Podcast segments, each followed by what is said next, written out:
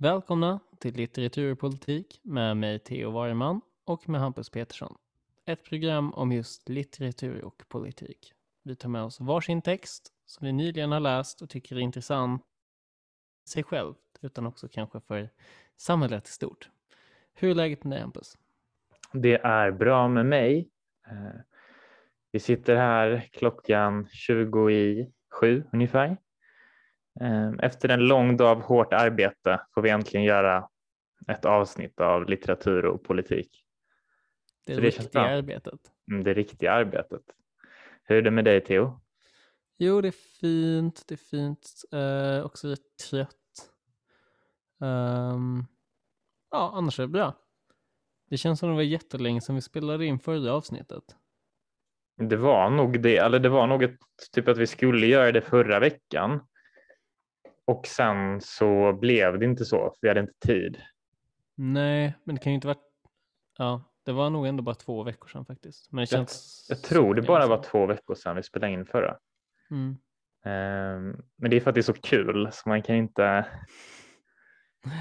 Alltså, det känns så långt borta när man inte gjort det, typ igår. Ja, men eller hur. Nej, så det kanske blir veckovisa avsnitt ändå inom snar framtid. Ja. Vem vet? Det går ju inte att referera till podden. Alltså jag har gjort det någon gång. Det är absolut ingen som har lyssnat på den. Det är väldigt roligt tycker jag. Ja, och ändå referera till den. Jag vet en person som har lyssnat och som uppskattar den väldigt mycket. Om personen lyssnar nu kanske den vet vem den är. Troligen. Kanske någon i... Ja, nej jag vet faktiskt inte vem det skulle vara. Nej. Um, så det, det är en hemlig person. Och ja. hem, eller för ja, mig då, för mig är det en hemlig person. Det får vara så. Men ja, har du läst någonting roligt, något aktuellt? Um, utöver det som jag har med till podden, det är typ tveksamt. Nej, men jag läste, um, jag köpte en bok av hon Annie Ernaux, kanske hon heter. Franska. Ja, som uh, typ, eh, var det hon som typ en tjej i Lundagård uh, tipsade om? Ja, precis. Hon var Nobelpris tippad. Uh, mm, hon skriver autofiktion, nej, något liknande. Ja, typ. Den här boken var ganska mycket så. Fast det är också, hon är ju gammal, så det är mer någon sorts självbiografisk skrivare snarare än det här är jag i mitt nu. Uh, den var bra. Mm. Um, sen har jag också börjat läsa, efter att vi såg den här filmen om Jan Myrdal, så blev jag sugen mm. på att läsa hans sista bok. Så jag läser den lite långsamt nu. Men uh, uh, den är lättläst egentligen, men uh, inte jättekul liksom. Ganska Nej. deppig. Deppig? Ja, alltså den handlar ju på något sätt mycket om åldrande och mycket, alltså mycket typ teman som behandlades i den filmen också. Alltså hans eh, typ livströtthet. Uh, och liksom alla vännerna börjar dö ifrån och så vidare och så vidare.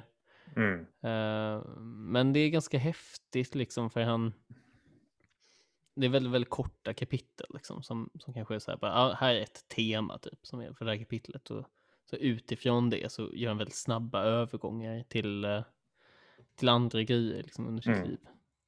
Men jag har inte kommit så långt än. Fint ändå. Jag har också lust att läsa den. Ja, du kan um, låna den. Men ja, har du, har du köpt den? Ja. Ja, då, då lånar jag den jättegärna sen när du är klar. Ja, absolut. Från bokbörsen.se. Vi är inte mm. sponsrade, men det är tips. Alltså, man måste ju ha böcker. Man måste ju göra anteckningar i dem. Ja, och det är bara um, nice. Mm. Har du läst något kul på senaste? Typ, eller Bra fråga. Jag borde tänkt på det medan du pratade. Um, alltså jag inte, jag har ju Nej, det skulle jag inte säga. Jag har läst mycket kriminologi i mina studier. Och det är typ rätt bra grejer. Alltså jag har alltid varit så kritisk mot kriminologi. Um, mm. Men typ på den internationella spelplanen, där finns det liksom ändå smarta akademiker. Vilket Till det inte känns. Sverige Ja. Alltså den kriminologiska debatten i Sverige är ju absurd. Alltså det är på så låg nivå.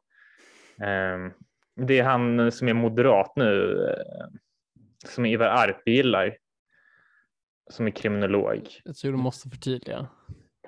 Blond kille, skrivit mycket i Svenska Dagbladet. Um, är kriminolog, jobbar för säkerhetsbranschen. Vänta, vänta, alltså han som är eh, Mårten Schultz? Nej? Nej, Han är jurist. eh, Ja, ja men jag tänkte väl det. Nej, det här är en kille, typ Fredrik heter han i förnamn, kom jag på nu. Jag vet inte. Nej, okej, men han har varit mycket på Twitter. Mm. Han är väldigt så här hård, väldigt höger. Ja, Eh, ja, ja. Och sen har man ju på mot, alltså jag är inte insatt i den här debatten, jag fick ett infall att förklara den nu. Men eh, Fredrik någonting heter han och han eh, kandiderar nu till Moderaterna i Stockholm. Och sen har vi på motsatt sida eh, där det finns den här kriminologen som jag försöker komma på, Jerzy den Sven här- Sak- Sakernetski, en sån där. Ja, gud. Borde vi inte kolla upp det jättesnabbt så vi inte säger fel? Uh, jo, jag kan göra det snabbt för att du inte ska... Jag kollar upp. inte- ah, gud, men- vi kan inte. Då får du prata så länge. Men eh, jag kan inte googla på Fredrik Moderat. Eh, det var inte så smart. Nej, det, det, finns ju en, det finns ju en annan Fredrik där. Jag vet. Jerzy. Sarnecki heter den. Ja. Särnecki. Sarnecki, ja, Särnecki. Särnecki. Jag vet inte. Särnecki. Det låter väldigt finskt, jag tror inte han är från Finland. Men eh, Ska- Hur ska jag säga då? jag vet inte. Det, det här är extremt off topic. Berätta om kriminologiska Ja, debatten. Okej, sen, nu har vi kollat upp båda så. Jerzy Sernecki. Nu får jag också kolla upp det för jag litar inte på dig. Men han heter det. Jerzy Sarnecki. Särnik. Sernecki, ja. Sernecki. Exakt. Sernecki. Alltså det här. Nu här känns är det som att vi har ett grupparbete mer än en podd här. Ja, verkligen. Jerzy Sarn, Sernecki. A-kursen i kriminologi. Också att vi inte kan... Varför har vi så svårt med att uttala hans namn? Jag har kanske hört namnet 30 gånger i mitt liv. Ja, Sarnecki. Sernecki. Sarnecki. Sernecki. Mm. Ja. Jerzy Sernecki. Han är ju lite mer vänsterliberal eh, slash liberal. Mm. Företräder med den här, det ska vara låga straff, eh, rehabilitering i fokus. Det är inte så att det finns massa människor av utländsk bakgrund som begår massa brott och typ att det är invandringen som är problemet. Medan Fredrik Kärrholm på den andra Mm. sidan menar att jo, det är invandringen och typ det som behövs se att människor typ isoleras från resten av samhället. Oj. Jaha, är de I, I fängelse? Theo. Att, att, att, typ så här, om du rånar någon ska du buras in. Det är inte Ja, som att så här, nej, nej, om du är alltså- invandrare ska du isoleras. Nej, nej, alltså jag, jag trodde du menade att så här människor, det vill säga laglydiga medborgare, ska isoleras från resten av samhället. så här, väldigt små, Gated densely- communities. Gated community, ja precis. ja, ja, ja. Eh, men en spännande debatt. Jag såg att din, din bästa opinionsbildare Kajsa Ekis Ekman också hade outat någon kriminologistudentskandidatuppsats på sin Instagram nu. För att hon tyckte den var dålig. Ja, hon är ju speciell.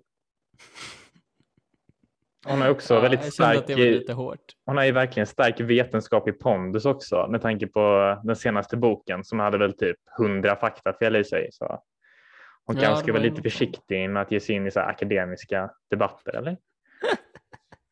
Ja. Nej, men helt ärligt, alltså det var också så himla intressant att hennes försvar var eh, skriv inte om typ innehållet, skriv om idéerna.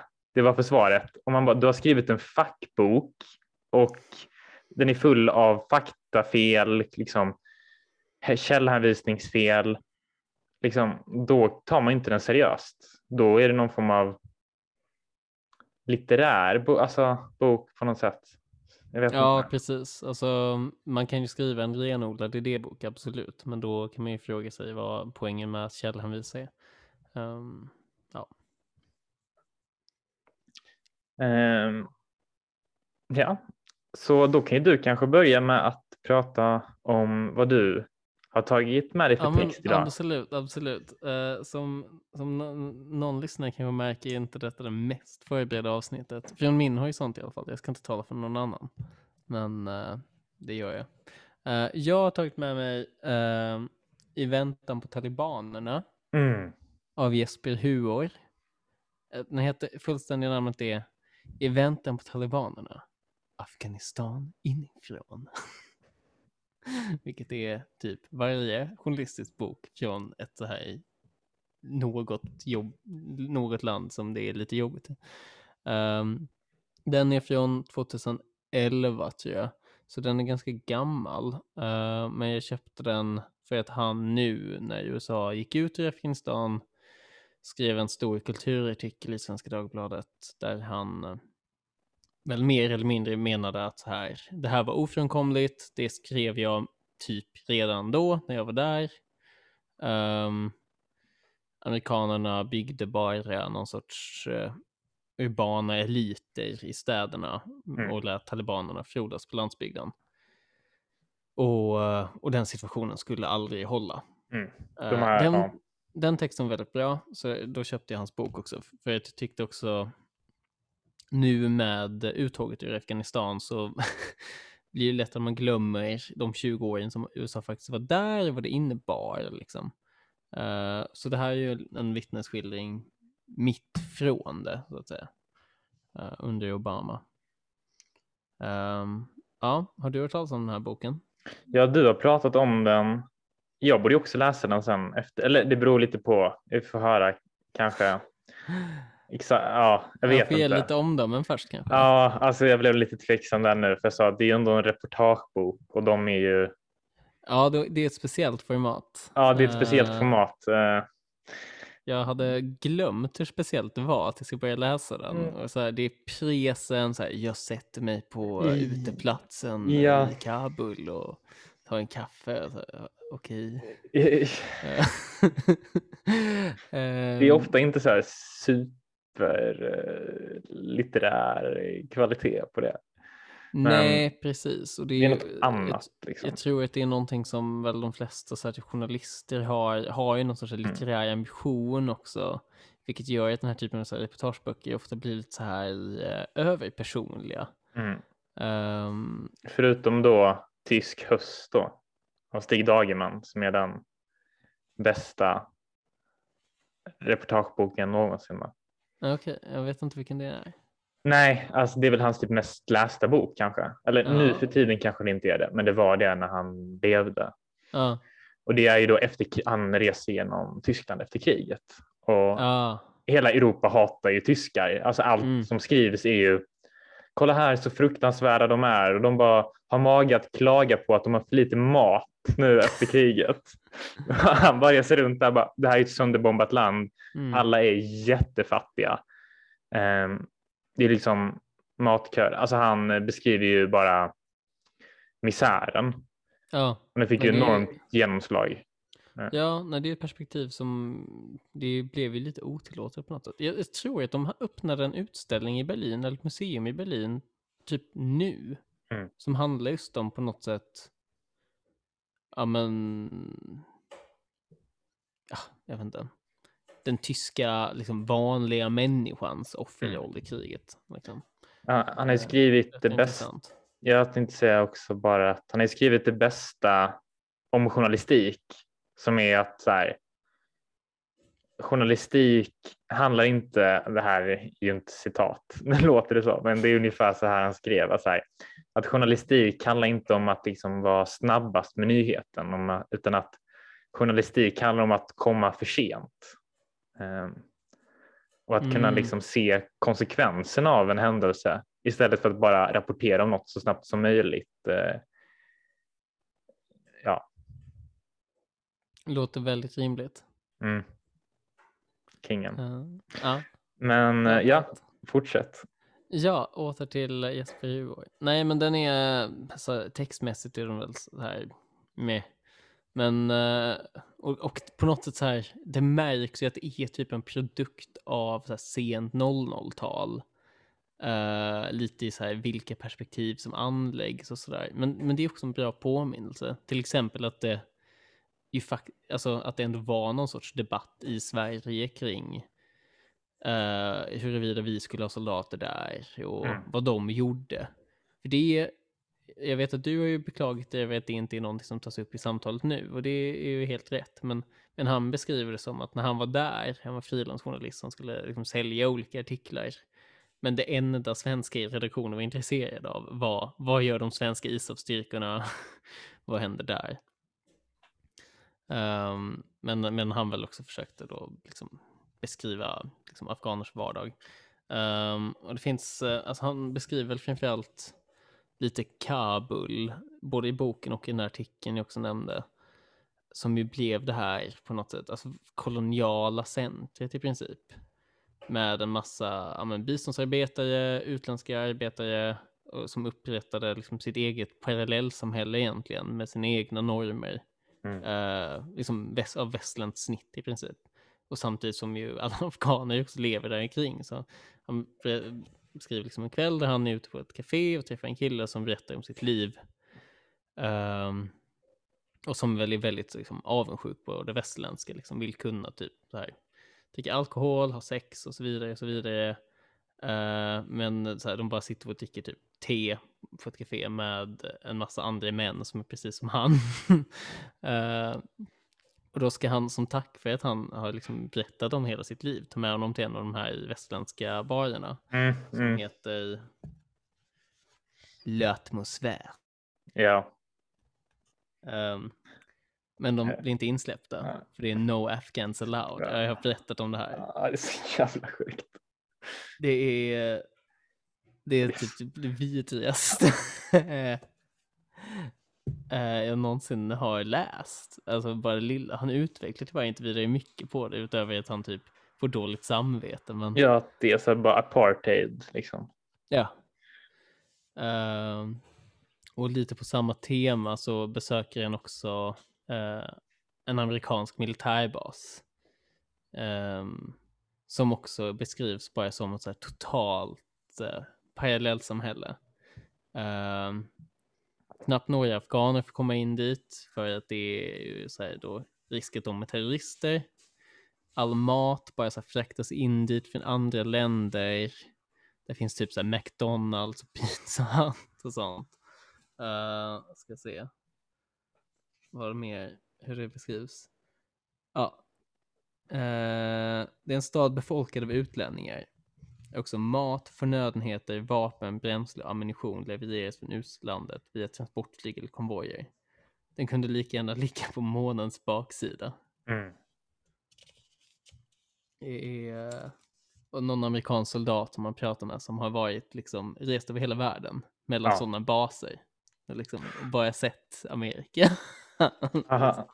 Det är helt sjukt. Det är också att så här, journalisterna fick ju följa med. Jag vet att de första vågorna av amerikanska journalister ja. fick ju följa med, fick ju bara följa med militären i början av kriget. Mm. Så det var ju väldigt så här positiv rapportering i början såklart. Nej, men.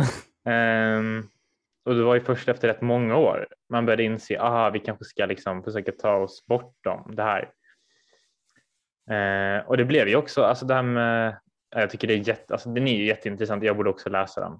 Mm. Ja men du får jättegärna låna. Jag har ju själv hört mycket om det där från olika politiska liksom, figurer i USA om, mm.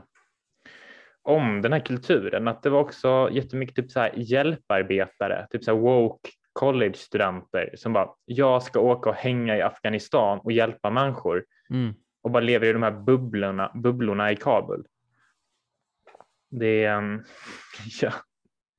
Ja, nej, det, eh, det blir så extremt tydligt vad det egentligen handlar om på något sätt. Alltså, det finns ju liknande vittnesmål från, från Bagdad också, även om mm. där var det ju kanske mindre hjälparbete.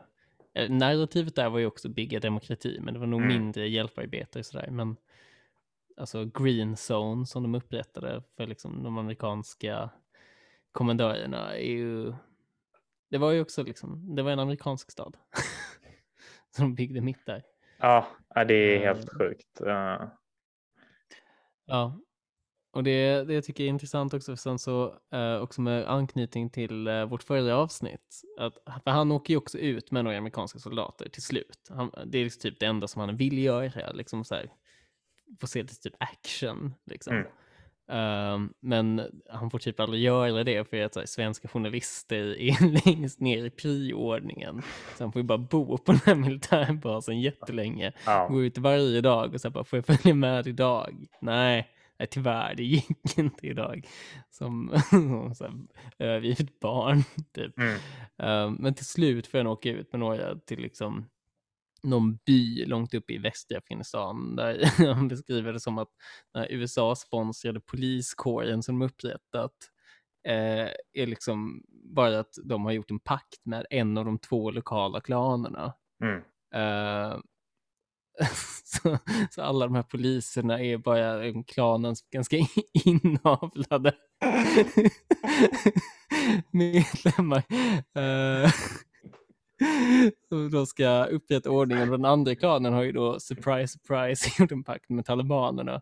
Eh, det är vansinnigt deppigt. Så, så Ja, hänger han med några med några amerikanska soldater där. Och då, då är det en av dem som menar att det här kän, det känns precis som att vara med i Dune. Mm.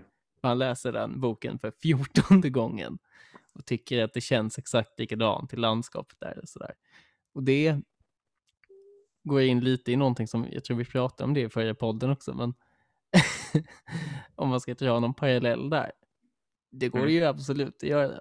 Mm. Men det är ju inte så att amerikanerna är, är den goda, på den goda sidan i, det narrativet. Det, är- det är liksom välj mellan typ så här konen och de här eh, saudukerna liksom. Eller Ja, vad saudukerna. Imperiet, helt Ja, enkelt. du får välja mellan de två liksom. Ja, det är inte så. Du är inte riktigt någon annan, eh, något annan, eh, något annat team. Nej, precis. Det är om de skulle hoppat över liksom till... eh, Ja. Nej. Har Nej. du hört om det också att eh, jag tror det var igår Mm. på, på P1 Morgon pratade de om eh, att de var så här. Det var väldigt kul. De intervjuade väl sin korrespondent där Mm. i det. Nu så jag, jag är inte helt säker på vem det var. Det var en journalist som i alla fall är i Kabul. Ja, men jag tror typ att det var deras skojare också. Mm. Eh, Jag blev förvånad, för, för ett tag så var det ju bara Magda Gad. Ja. Hon verkade rätt konstigt chill. De var ju Ja. så här. Är det farligt? Hon bara, för mig är det inte farligt. Nej, men jag hörde det här också. Jag hörde det här också. Det var, var igår på P1 Morgon, ja. Jo, men Ja. sen sa hon ju några intressanta grejer också som var så här. Det var igår tror jag. Ja. De var så här. Ah, hur det, de- var ju, programledarna var väl lite så här. Ah, det har väl blivit farligare. Hon bara, alltså det är färre rån. alltså, det är så här. Sen har det varit några terroristattacker, men det är ju säkrare på gatorna. Shit. Så då var jag så här. Och hon pratade om det som att alla känner till det. Ja. Men det gör man ju verkligen inte. Alltså vi har Nej. pratat om det. Om typ hur det skulle bli. Det är ju självklart extremt anti-talibanerna. Men Ja, det är verkligen. intressant att se hur det skulle bli när talibanerna tog över nu. Om det skulle, för att det har ju varit rätt farligt i Kabul. Mm. Ehm, och, Och då är rest- ändå Kabul på något sätt där man la allt krut. så det säger Ja, någonting om men det var så här, ja, farligt att vara ute. Ja. Men, men så då tänkte man lite så här, undrar det blir nu när talibanerna tar över, för det var ett av argumenten förra gången de tog över, att de kunde skapa typ någon form av alltså, Ordning. Ordning helt enkelt. Ehm, men eh, det har ju inte rapporterats så mycket om. Nej. Så när hon sa det kände jag, ja, det var väl lite det man trodde typ, att det skulle bli typ mindre rån för att så här, ja, du blir skjuten om du rånar någon. Det är liksom inte, Mm. det är, inte, det är lite hårdare. Eh, och det är ju inte bra, men det visar ju också på att det finns någon form av så här attraktionskraft hos talibanerna liksom, som det är svårt för oss att förstå, för invånarna där. Vilket Jo, är typ precis. att de kan skapa lite lag och ordning. Ehm, mm, Ja, men det tar han upp i boken också. Liksom. Han intervjuar, nu kommer jag inte ihåg exakt, eh, för det var ändå någon vecka sedan jag läste den, men en bonde där den lokala krigsherren typ bara hade sålt hans mark till någon annan, trots att här, det var ju hans mark. Mm. Så det började bara dyka upp folk och sa så här, det här är vårt. Um, och så försökte han eh, rapportera in det till domstolen i den lokala huvudstaden. Uh, allting var ju bara genomkorrupt. Sen går han till talibanerna som fixade på en dag. ja, Ehm, efter en då rättegång i, i, i deras parallella rättssystem. Och ja, det är kanske inte konstigt att de ändå åtnjuter ett, ett, liksom ett visst stöd då. Ja, med och så här, det är klart att eh, amerikansk stödda regimen. som jag fattat det så är det ändå så att de, har, ju- de är inte så populära. De har, det är ju ingen majoritet som stöder talibanerna. Ehm, det var mer så förra gången jag liksom fått känslan av Ja. att de var mer populära förra gången. Eh, nu så verkar det inte vara lika populärt att Nej, leva nej, under den här precis. islamska liksom, staten. Ehm, men, men ja, intressant. Väldigt intressant. Ja, nej, så det är ett tips. Eh, det är ändå kul uh, vittnesskildring då från eh, ja, en annan tid så att säga. Mm. Eller en tid som nu är över i alla fall. Vad har du med dig för någonting? Jag har läst boken som jag har kallat nu medan jag läst den för Che Guevara-boken. Punkt. Spännande. Eh, Det är ju boken Che av Björn Kum. Ja. Och jag gillar Björn Kum. Eh, Ja. Jag har bara läst en annan bok han har skrivit, Terrorismens historia. Den är extremt allmänbildande. Mm. Eh, Jag vet att de f- fler, antingen flera gånger eller bara en gång. Jag har pratat om den i historiepodden.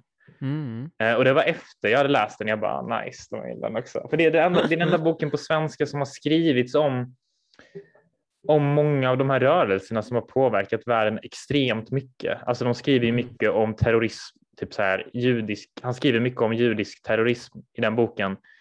Alltså i, innan Israels bildande. Ja, alltså den här sionistiska inför. Mm, i Stanligan och sådär. Som Ja. vi under ett avsnitt inte kom på vad det hette. Betar också väl? Ja. Ja. Ehm, så, mm, men också om så här, senare palestinsk terrorism, alltså på ett mer intressant plan än den liksom, terrorism vi förstår idag, Mm. vilket är islamsk terrorism och högerextrem terrorism. Det är de två stora Ja. ehm, ja, grupperna av terrorismen idag. Men den här boken har jag skrivit om Che Guevara och varför han har skrivit den här boken är ju för att han var en av de första som fick se Che Guevaras kropp efter att Guevara hade avrättats av den bolivianska shit. militären.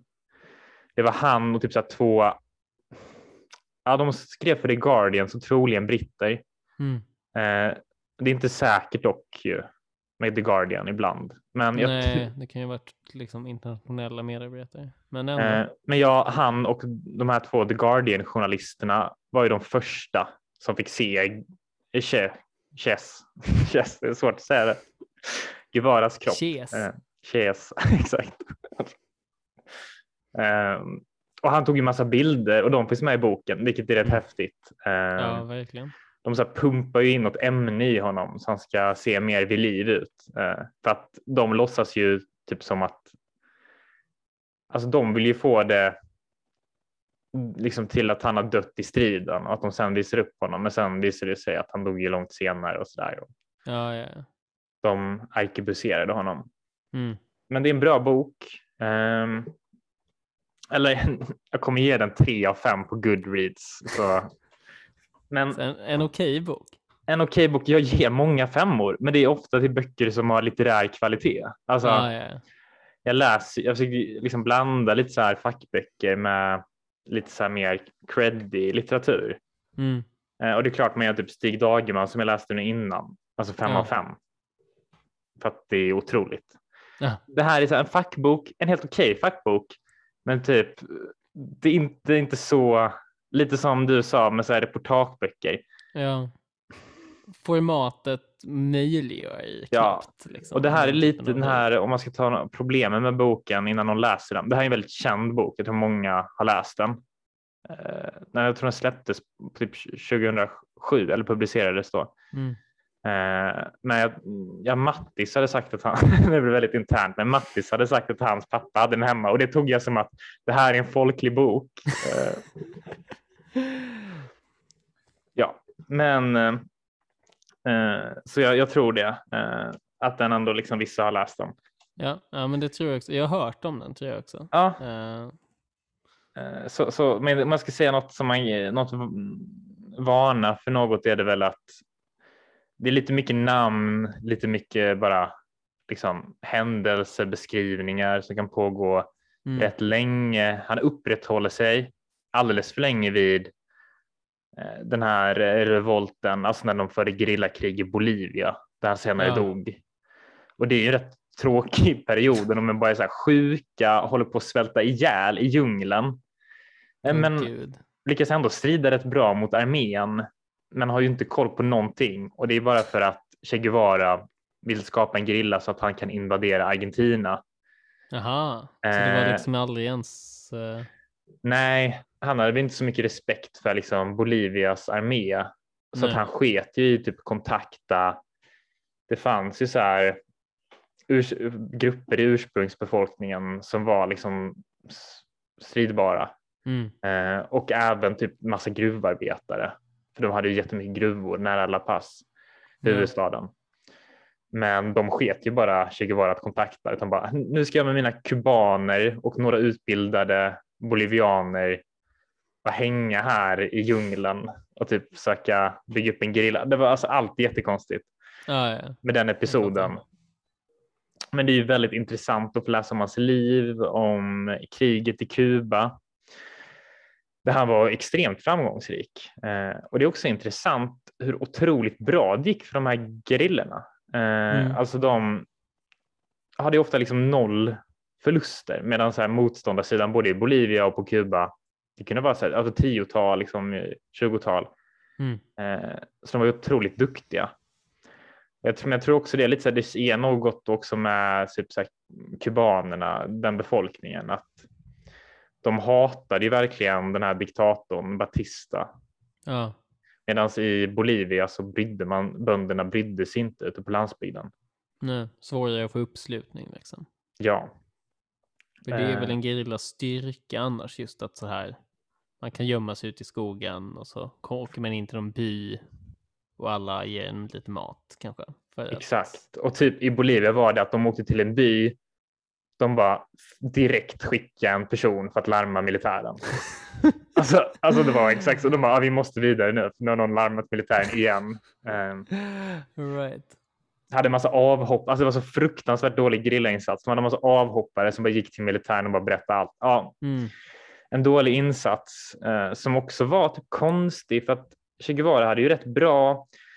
Han eh, växte upp i Argentina i en överklassfamilj, gjorde sin motorcykelresa Ja. eh, genom halva Latinamerika, landade i eh, Guatemala där presidenten eh, liksom avsattes och grejer.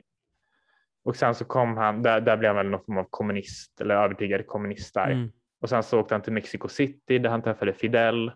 De utbildar sig i det här, så här träningsläget eh, Fidel Castro har. Ja. Eh, och sen åker de över på någon sån jättestor yacht, jaktbåt eh, Ja.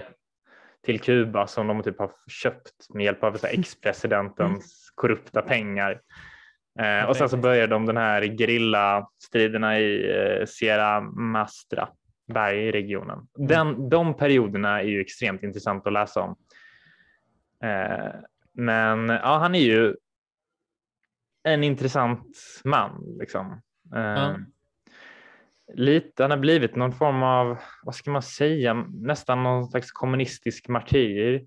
ja, en ikon verkligen ju. En ikon. det här kända liksom fotot på honom Mm. men, som finns på alla väggar och t-shirtar. Precis. Eh, och Björn Kum skriver ju det att frågan är hur mycket alla de här fansen vet om Che Guevara Mm. och att han ju använts mycket av Kuba bara som en propagandasymbol och det gjorde han liksom, och det blev ännu starkare efter hans död för han dog ju innan liksom 68 rörelsen Ja. men då exploderade ju det. ja, men precis. Han matchar ju på något sätt alltid liksom, den revolutionära ungdomen på något sätt. Eh, vad har du för syn på Che Guevara?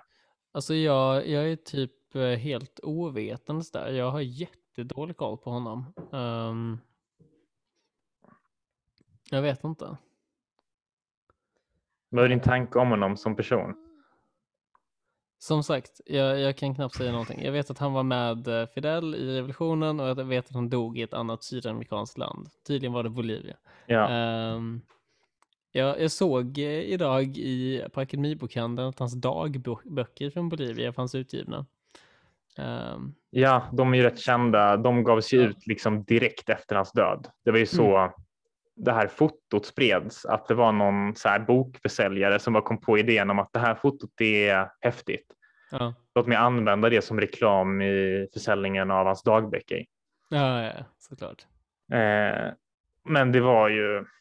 Capitalism. Ja. Ja, det, alltså för jag tycker att han är jätteintressant. Alltså, Ja. eh, och det är ändå så här, man kan ju tänka sig så här, ja men alltså kommunistisk symbol, här kommer det finnas massa så här konstiga moraliska sprickor och liksom massa kritik. Och det är klart det finns, alltså mot Che Guevara. Herregud, att så här, vara för en väpnad revolution, det är helt absurt, eh, tycker jag. Jag är ju liksom så långt ifrån det det kan gå. Ja. Men det är ju alla nu för tiden. Superdiktatur som, eh, som de länderna var så är det kanske Ja. ändå... Det är lite det, va? att vi lever i en annan tid nu. Vi lever i en annan tid, men sen är jag ju också, jag är inte kom, liksom, jag är verkligen inte kommunist, så här, liksom. jag är typ sosse liksom, om något. Men eh, då så kunde ju liksom eh, Ja, men det, det han var var väl bara liksom att han levde väldigt mycket som en väldigt typisk idealfigur. Mm. Han typ, när han var industriminister så var det så här, nej men nu har jag jobbat för mycket med de här liksom tjänstemännen, nu måste jag ut och hugga socker. Och så gjorde han det typ tre veckor, Ja. eller så här varje helg också såklart. Och bara arbeta konstant, sov aldrig, inte ens när han hade det liksom skönt på Kuba. Eh, och sen var det direkt när han kände att han blev uttråkad, då var det ju, ja men jag ska åka till Kongo först ju och försöka Mhm. göra en revolution där. Ehm, med dem mot den motståndsrörelsen, men den var ju jättekorrupt och de vann ju senare, men det tog ju ett par år till. Eh, Mm. Eh, liksom. eh, och sen så, eller vann och vann och förlorade ju, men sen så blev det ju en demokrati ändå. Ja. Ja. Men, och, men att han, han, han levde mycket på det sättet, vet, så att allt, det skulle delas, eh, typ hans familj fick någon eh, förmån och då så drog han tillbaka det direkt. Och det tycker jag är en av de intressanta sakerna med honom som historisk figur Mm. är ju att han är ju verkligen den perfekta liksom, idealbilden av en typ av revolutionär, perfekt propagandaperson. Ja, liksom föredöme på det sättet. Jag läste jättemycket böcker hela tiden. Ja.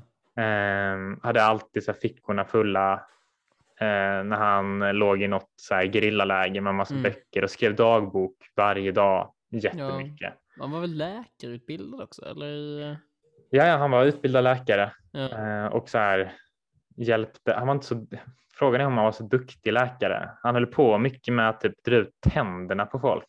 Jaha, uh, I don't know about that. Alltså. Nej, men Men typ att Kuba han har väl väldigt bra vård idag. ju. Eh, Ja, hans- det är det. eh, Kuba är ju känt. Alltså, du, du och dina fördomar om eh, Latinamerika.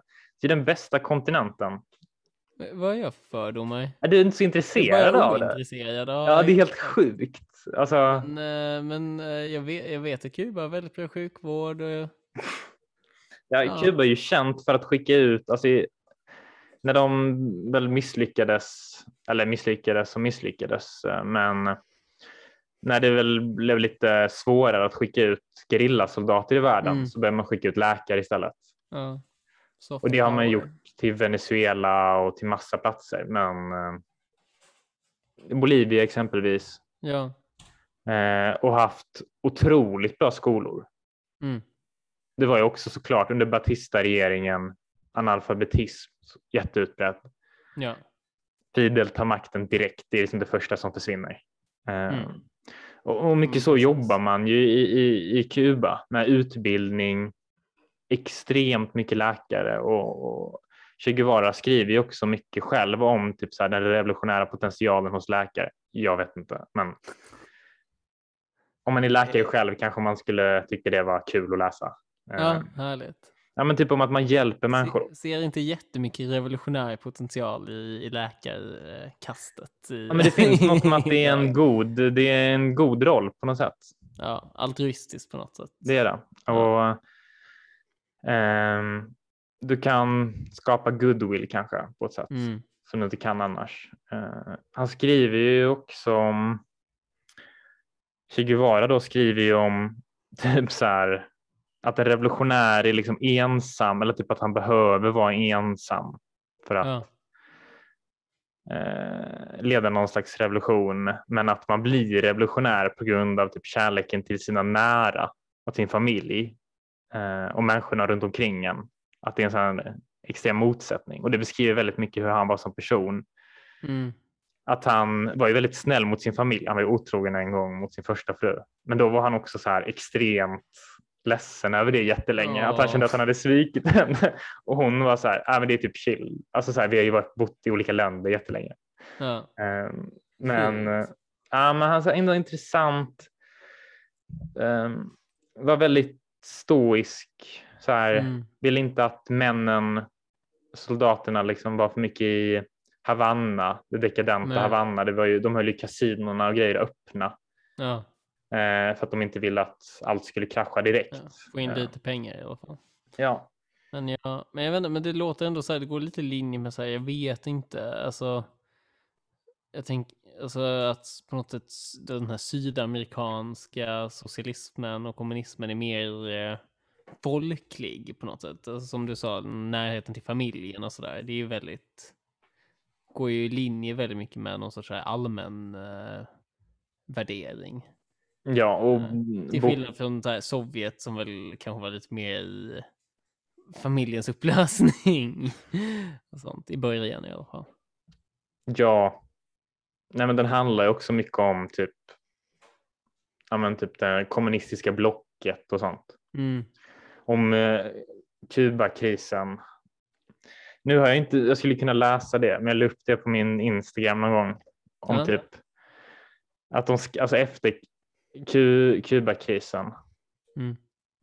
så la de ju, så skrek, eller så, så skanderade ju befolkningen och sånt här bara typ att typ Nikita var typ en, jag kan inte säga, jag måste typ kolla upp det, men jag tror inte jag har kvar det. Jag glömde nog, vet du, anteckna det, men jag ska se om jag har det. Har du sett det? Nej, Vad jag menar? det har jag inte. Men om Chrustjov då alltså? Ja, såklart. Nikita Marquita, jag kan inte säga prata spanska, Mar- Nikita Marquita Quita Loco ese deno quita. Det betyder alltså Nikita lille bög, en present tar man inte tillbaka. Eh, om de här eh, Atomstickade ja, missilen. som de tog tillbaka. Kom ihåg också att Kuba då, det är väl det kanske sämsta med Kuba, att de var Mm. extremt homofoba eh, och behandlade sina homosex- homosexuella extremt dåligt. Ja, för det vet jag är någonting sådär typ, det lilla så här jag har hört om så här typ, ja men liksom brott mot mänskliga rättigheter så här under Castro, det lilla jag hört låter väldigt apologetiskt, men, men det jag har hört har varit just mycket mot liksom Mm. Ja, det är lite så här Latinamerika i ett nötskal. Ja, precis. Det är katolsk, är. Konservativa och katolska. Ja. Även under kommunismen. Ja, Alltså jag kommer ihåg att så här, det, Fidel var ju väldigt noga i början med att han inte var så här råbarkad eh, kommunist utan att Mm. han var en god katolik också. För det var ju den här, Ja, folkligheten igen på något sätt. ja, Någon sorts anpassning.